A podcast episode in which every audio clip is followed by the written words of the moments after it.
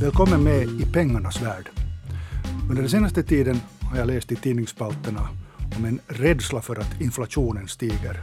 Och vad är egentligen problemet? Till exempel så kunde inflationen leda till höjda räntor, vilket kan påverka de italienska bankerna. Och det här är ju någonting som man ofta varnar för. Eller så överhuvudtaget det att konsumentpriserna går upp, allt blir dyrare. Eller att bostadslåneräntorna går upp. Allt det här låter farligt. Å andra sidan så talas det också om att vi ska ha en viss inflation. Eh, det har funnits en oro för att inflationen är för låg. Så jag blir inte riktigt klok på, på hur jag ska tänka här och därför är jag jätteglad att du är med, Mikael Juselius. Välkommen. Tack så mycket. Du är forskare vid Finlands bank. Ja, det stämmer. Hurdana saker forskar du i? Just sådana? No, jag forskar i lite eh, många saker i inflation och varför finanskriser uppstår och, och hur eh, finansiella sektorn påverkar realekonomin. Det är de områdena jag normalt sysselsätter mig med. No, perfekt. Låt mig först försöka mig på en definition, jag borde ju kunna det här också. Så inflation betyder helt enkelt att priserna går upp och att min köpkraft blir sämre. Jag kan helt enkelt för samma summa som jag kunde förra veckan så kan jag inte denna vecka köpa lika mycket tjänster och varor. Precis, det, det, det är fråga om en allmän förhöjning i prisnivån. Som du tänker dig en korg som man normalt skulle kunna konsumera. Så om varorna i den korgen förändras så att, att uh, den generella prisnivån ändras, då har, då har vi inflation. Just igår talade jag med en kompis som sa att bränslepriserna har gått upp. Han hade, enligt hans beräkningar där på, i, i hans uh, vad heter det, region med 20 procent. Ja. Det låter som otroligt mycket. Det är en stor förändring, absolut. Och ha, har vi alltså då en, inflation, en stor inflation här? Då har vi en oljeprisinflation. Okay. Men inte nödvändigtvis ännu en allmän eh, förhöjning i prisindex. Nu är det ju klart att olja har en ganska stor roll i våra konsumtionsindex, så att om oljepriserna höjs så tenderar också Eh, eh, inflationen att, att följa efter. Men det är helt klart att oljepriserna kan höjas men något annat kan gå ner samtidigt. Och det beror på hur du själv konsumerar. Om du är en som inte använder till exempel bil eller, eller värmer ditt hus med hjälp av olja, så det att oljepriserna stiger betyder inte nödvändigtvis att dina personliga, eh, din personliga konsumtionskorg blir hemskt mycket dyrare. Och det är här man gör skillnad mellan olika slags inflation, det vill säga ehm, vad heter det nu på svenska, hjälp mig nu. Uh, no, konsumentprisindex och sen så kan du tänka på basinflation. Basinflation, pohjainflatio talar man på finska. Ja. Just det. Hur definierar man den? Alltså. No, basinflationen är egentligen bara ett snävare koncept på det sättet att vi exkluderar vissa saker. Sådär som mat och energipriser som oftast bestäms på internationella marknader. Orsaken att man gör det är att de här ofta fluktuerar inte så mycket på, beroende på den inhemska specifika efterfrågan utan, eller utbudet, utan mer som sagt på en, på en global marknad. Så man har inte så hemskt mycket kontroll eller så hemskt mycket att göra med det. Så om inflationen stiger på grund av att energipriserna, just precis som oljan, så, så, är det, så är det inte så mycket på grund av inhemska omständigheter som, som det här händer. Och därför skiljer man de här koncepten. No, nu till de här rädslorna, alltså under den senaste tiden, om man tar nu några månader tillbaka, så har jag liksom hört både det att, att nu är det farligt för att inflationen går upp. Just nu i, i den här stunden när vi sitter här så tycker jag att man jag, jag, läser inte så mycket om det här just nu, men däremot så, så har, jag samtidigt hört sen det här att inflationen har varit för låg, att oj vad bra att nu är den kring två här i, i euroområdet, eller hur? Så, ja. så liksom, ska man, är det, är det Förklara nu det här sammanhanget. När ska man vara orolig och när ska man inte vara orolig? No, om man ska vara orolig så det beror ju lite på vem du råkar vara. Igen, ingenting har en så lätt äh, förklaring att alla skulle nödvändigtvis måste vara oroliga för högre inflation. Um, om du till exempel är en långivare uh, och du har, låt oss säga, ett, ett fast räntekontrakt så är du naturligtvis en smula orolig över att inflationen stiger. Uh, varför det? No, men därför att pengarnas värde minskar, det vill säga att, att uh, skulden som, de pengarna du någon gång gav åt uh, en annan person som lån, när den betalar dem tillbaka så, så är de helt enkelt mindre värda. Så du gynnas inte direkt av att, att um, Eh, inflationen stiger. Är du däremot en låntagare så är det precis motsatt. Då är det mycket roligt för dig för att då blir din skuld uh, så att säga mindre värd. Okay. Men har det här en praktisk betydelse? No, inte nödvändigtvis. Till exempel, de många lån ges till rörlig ränta och när inflationen stiger så, så vill långivarna gärna bli kompenserade. Och det betyder förstås att de höjer på räntan vid något skede för att, för att ge de här lånen. De är inte villiga att annars eh, ge lån till pri, privata sektorn. Och, och det betyder ju förstås det att, att den reala räntan, det vill säga uh, den ränta som du nominellt betalar, om det står att du ska betala 5% till exempel per år, minus den förväntade inflationen just den, den tidperioden, den kan hållas konstant eller till och med uh, stiga något. Och då är det gynnsamt för dig som, som långivare. Um, huruvida de här sakerna sen har en effekt på, på ekonomin, så där realekonomin, så det beror lite på uh, hur snabbt folk internaliserar förändringar i prisnivån. Um, om alla är jättesnabba att reagera, så, så, till exempel en låntagare omedelbart kräver nominellt sett högre lön, så att hans köpkraft förblir helt konstant. Och alla långivare omedelbart kräver just precis uh, ränta för att kompensera, så händer faktiskt ingenting. Varför det? Alltså, hur menar du? Eh, därför att i så fall så är all kompensation för, för långivarnas sida är den exakt densamma. För låntagarna är det också exakt densamma för att de har blivit kompenserade av högre löner så att det är lättare för dem att betala tillbaka. Så andelen återbetalningar är precis detsamma. Just det. Så ingenting har egentligen ändrat. Eh, det enda som har ändrat är att, att eh, pengarnas så att säga enheten pengar vi betalar för allt reellt så, så har ändrat. Och man kan jämföra det här, till exempel, nu tror jag att det var 1963 som Finland strök två nollor från marken. Nå, är det här en meningsfull eller inte en meningsfull förändring? Och det är klart att det inte är en meningsfull förändring för det är hemskt lätt ja. att internalisera två nollor som försvinner. Så ja. alla kunde omedelbart stryka två nollor, alla löner gick omedelbart äh, blev delade med hundra och så vidare. Så ingenting hände. Men det är mycket svårare att internalisera det här när det är osäkerhet om vad egentligen, hur har priserna på riktigt förändrats. Och till exempel i en butik så eh, för att förändra priserna så måste gå en person konkret och sätta nya prislappar eh, på hyllorna och man måste tänka om hur ska jag förändra alla dessa varors pris. Det är inte alls en lätt uppgift den här typen av små friktioner i hur snabbt vi reagerar på förändringar i prisnivån kan göra att det har reella effekter. Men i alla av de här, i det här avseendet så talar vi om relativt låga och stabila inflationsnivåer. Uh, och så länge det är fallet så är det, så är det förstås ingen, ingen egentlig direkt fara när det gäller just uh, uh, hur snabbt folk internaliserar Alltså till exempel 2,4 procent eller 1,7 procent. 2,4, 1,7. Ja. Det, det, det är egentligen inte så stor skillnad så länge den är, är stabil. Inte åtminstone från den äh, enskilda eh, konsumentens eller producentens äh, synvinkel. Äh, men att de här, de här friktionerna kan som sagt leda till att, att de har vissa effekter. Det, det tar en liten tid att, att, att, att förändra. Men sen om vi skulle få en situation någon gång, som det har varit historiskt, att vi får till exempel uh, hyperinflation eller, eller uh, en deflationsspiral, det vill säga att priserna ändras hemskt snabbt och hemskt oberäkneligt, uh, då blir det förstås stora problem i ekonomin. Och det kan ha sen en jättestor skadeverkning, men vi är nog ganska långt ifrån att, att men, uppleva någon sådana situation. Men nu talas det ändå om över 5 i inflation i USA. Börjar det redan att vara någonting som man ska reagera på? Nå igen, eh, naturligtvis så ska man reagera på det på det sättet att jag tror den enskilt kanske viktigaste, äh, viktigaste faktorn som kan leda till att, att det här kan vara på något sätt leda till någonting är just äh, skuldsättning. Så om vi ökar det här äh, uh, om inflationstakten ökar till 5% så finns det ju naturligtvis en ganska avgörande risk att centralbankerna vid något skede följer och börjar höja räntorna. Och om inte centralbankerna i sig gör det så kanske långivarna i sig börjar kräva en, en hög marginal ovanpå så att säga den säkra räntan. Så nu kommer vi till de här orsakerna till varför vissa har varit oroliga. I, ja. ekonomer har varit oroliga ut, runt om i världen.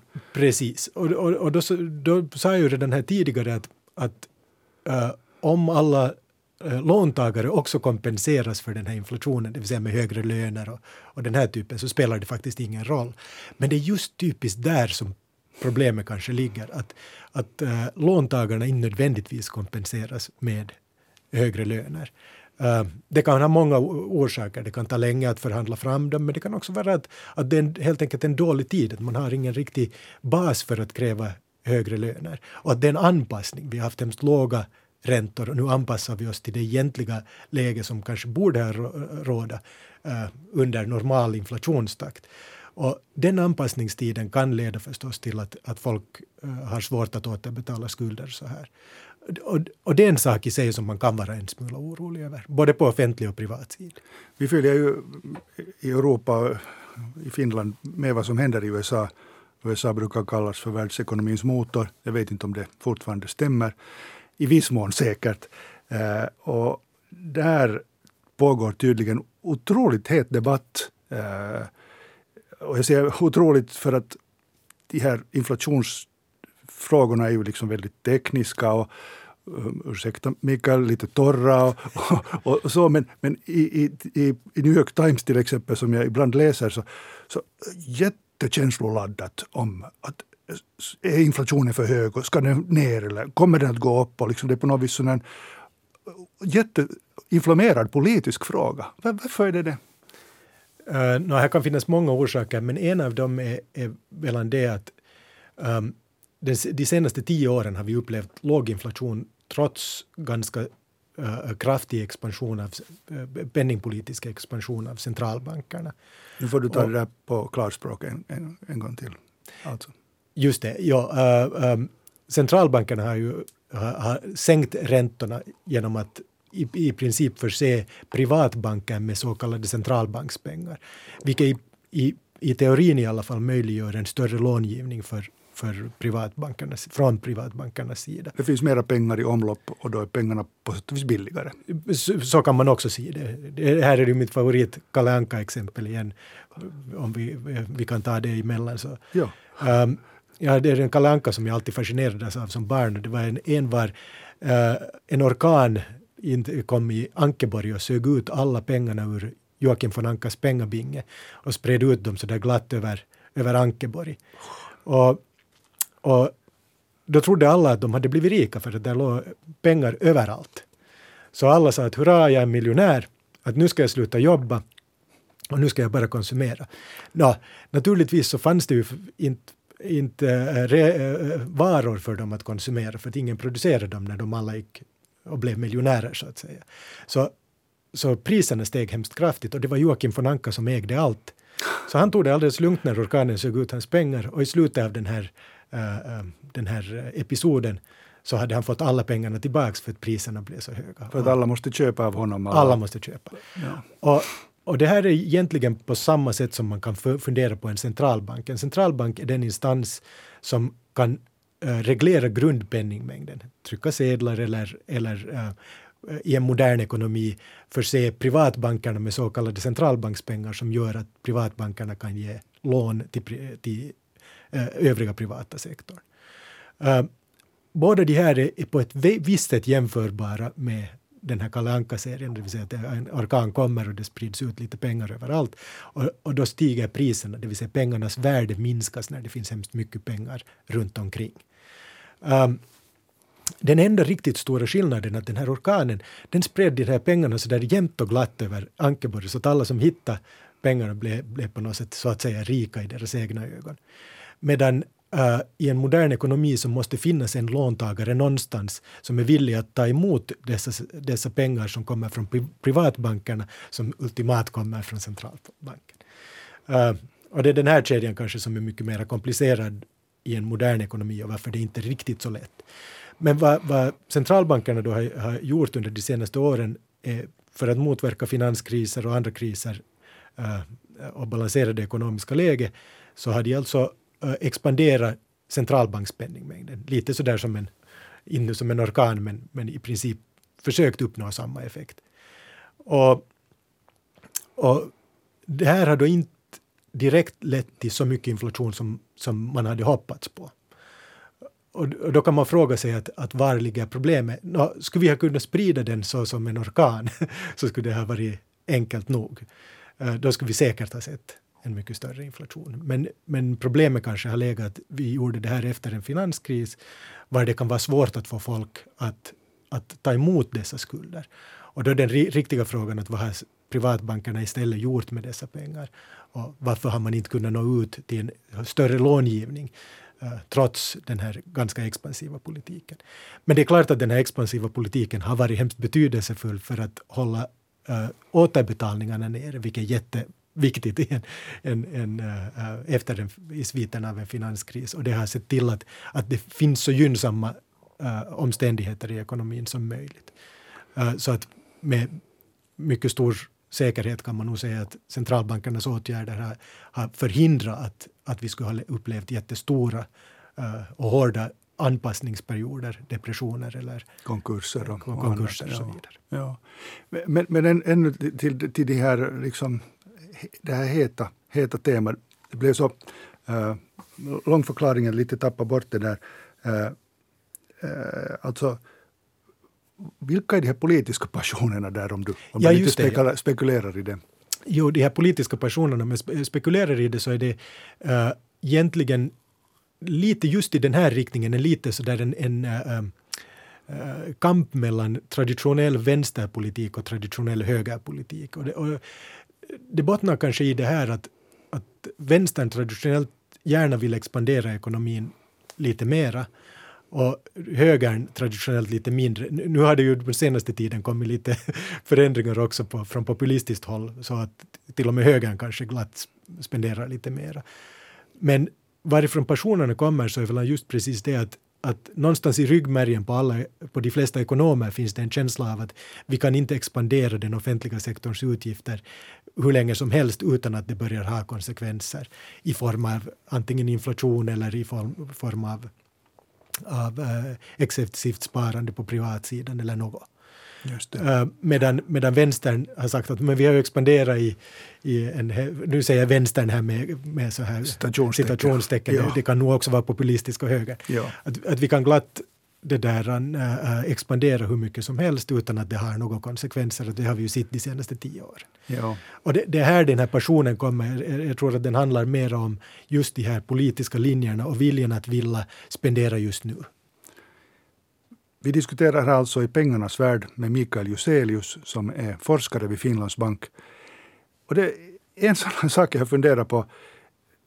Det kommer jämt och ständigt nyheter om huruvida vi når inflationsmålet på ungefär på, på 2 procent. Och nu har jag förstått att man har lite luckrat upp det där. Det kan vara 1,9 eller 2,1. Men i varje fall cirka 2 procent. Varför just 2 procent? Varför, varför ska det vara någon mål? Ja, nu, nu är det ju så att, att eh, ECB just hade en, en eh, strategisk eh, omvärdering, eller en omvärdering av sin strategi. Och det tidigare inflationsmålet var lite under 2 procent nära men lite under 2 procent. Och nu har man gått till en symmetrisk målsättning som säger 2 procent eller där runt omkring. Um, och det, det, det, är och för sig en, en bra och vettig förändring. Varför just 2 procent är en ganska intressant men lite teknisk fråga. Okay. Um, det är nämligen på det här sättet att om vi tänker på de här friktionerna som vi talade om lite tidigare, det vill säga att det tar tid att anpassa sig då när vi upplever inflation. Om vi bara tänker på den aspekten så kunde man tänka sig att den optimala inflationsnivån, uh, alltså den bästa inflationsnivån för samhällets uh, del, uh, skulle vara att ha en inflationsnivå på 0 procent. Ja, precis. Då skulle alla priser hållas konstanta. Det kan förstås ske förändringar i relativa priser, ja. men den allmänna prisnivån förändras inte. Det här skulle vara en, en, en hemskt trevlig situation i princip. Och just som jag säger, det är kanske det bästa utfallet när vi tänker på de här friktionerna. Men här kommer ett litet problem. Och det lilla problemet är det att centralbanken försöker påverka ekonomin via uh, just att ändra på, på reala räntorna på kort sikt. För att då när det går trögt i ekonomin på grund av den här typen av friktioner som vi just talade om, så kan man sänka lite på räntan och då sjunker reala räntan, det vill säga nominella räntan, det som vi ser på, på skuldkontrakten minus den förväntade inflationen, om den sjunker så då är det lönsamt för oss att konsumera just nu, men inte så bra att spara just nu. Okay? Jag får mindre pengar om jag sparar, men, jag får, men det är ganska billigt för mig att ta ett lån. Så därför är det, konsumerar folk glatt just i en sån här situation. Och vice versa, när det går lite för kvickt i ekonomin, så kan man göra motsatsen och på det här sättet balansera ut äh, ekonomin. Och naturligtvis det viktigaste, försöka hålla en, en stabil prisnivå. Just det, för det är det värsta om man inte alls vet hur kommer priserna att sjunka eller stiga. Precis. Då, då, då, då, vet man inte vad man ska göra som konsument jo. eller företag. Det, det viktigaste egentligen ja. i allt det här är alltid en, en stabil prisnivå så att folk kan, kan uh, inte behöver fundera så mycket på pengarnas värde när de uh, bestämmer sig för hur de ska spara och konsumera och, och, och förändra sin konsumtion i framtiden. Men lite inflation måste vara för att vi ska konsumera? Uh, det, det, behövs ingen inflation egentligen för att vi ska okay. konsumera. Det är inte det viktiga. Men, men här, det, nu kommer vi snart till den här kruxen. Yep. Den kruxen är den att man kan inte sänka de nominella räntorna hemskt mycket under noll. Okay, varför går det inte? No, därför att pengar i sig, papperspengar, som vi inte hemskt, använder hemskt mycket, har redan en ränta på noll.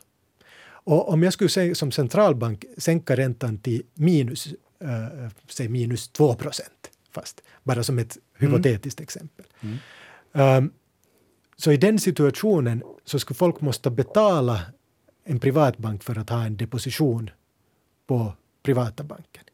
Det vill säga du ska betala minus 2 procent per år bara för att hålla en, en hundring. Så den blir mindre och mindre värd uh, redan av, av, en negativ ränta. Nå, vad skulle du kunna göra då? Nå, du skulle kunna byta hela din deposition till papperspengar. Och då får du plötsligt 0 procents ränta, vilket är mycket högre än minus 2. okay. Och det här är man inte göra om räntan är lite under noll. Så lite negativa räntor kan vi ha.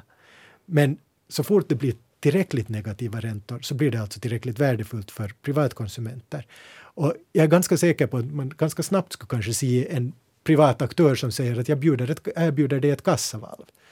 Och så sätter vi centralbankspengarna dit, du får betala lite för det men, men det är billigare än att betala en hemskt negativ ränta. Så det finns alltså en nollgräns på hur mycket en centralbank kan sänka den nominella räntan. Och om inflationstakten är noll och räntans gräns är noll så är den minsta reala ränta vi någonsin kan sätta är, är de facto noll. Och säg att vi råkar ut för en hemskt stor negativ chock i vår ekonomi, som en finanskris eller som en coronakris, mm. var vi verkligen skulle vilja sänka den reala äh, räntan för att hjälpa ekonomin. Men vi drabbas av den här nollgränsen på grund av hemskt låg inflationstakt. Då, vi, då sitter vi faktiskt lite i klistret på det sättet att vi kan inte sänka mer, vi kan inte expandera mer än vad behövs. Så att den reala räntan är för hög för det ekonomiska läget. Och, och det betyder egentligen det att vi får då en, en mycket värre lågkonjunktur än vad vi hade velat ha, med möjligtvis till och med en deflationsspiral. Det vill säga att priserna börjar förändras neråt för att folk sparar, det är lågkonjunktur. Och, och det här vill man undvika. Så genom att sätta ett, en högre inflationsmålsättning så säger jag att om reala räntan på riktigt borde vara 2 procent och vi har en 2 i inflationstakt så är den nominella räntan 4 i, sådär i jämvikt. Och då har vi alltså 4% mån att sänka nominella räntan före vi kommer ner till noll. Men om vi sätter den äh, inflationstakten till noll och den reala räntan är 2 så har vi bara 2 och så enkelt är det. Med andra ord, den här 2% gränsen när centralbanken säger att vi ska ha ungefär 2% inflation, att det är bra, så det, det, det, är inte en magisk siffra och det är inte heller en vetenskaplig absolut sanning utan det är helt enkelt någonting man har räknat det här är antagligen vettigt att ha. Just precis, ja. ja. Det är just så det är.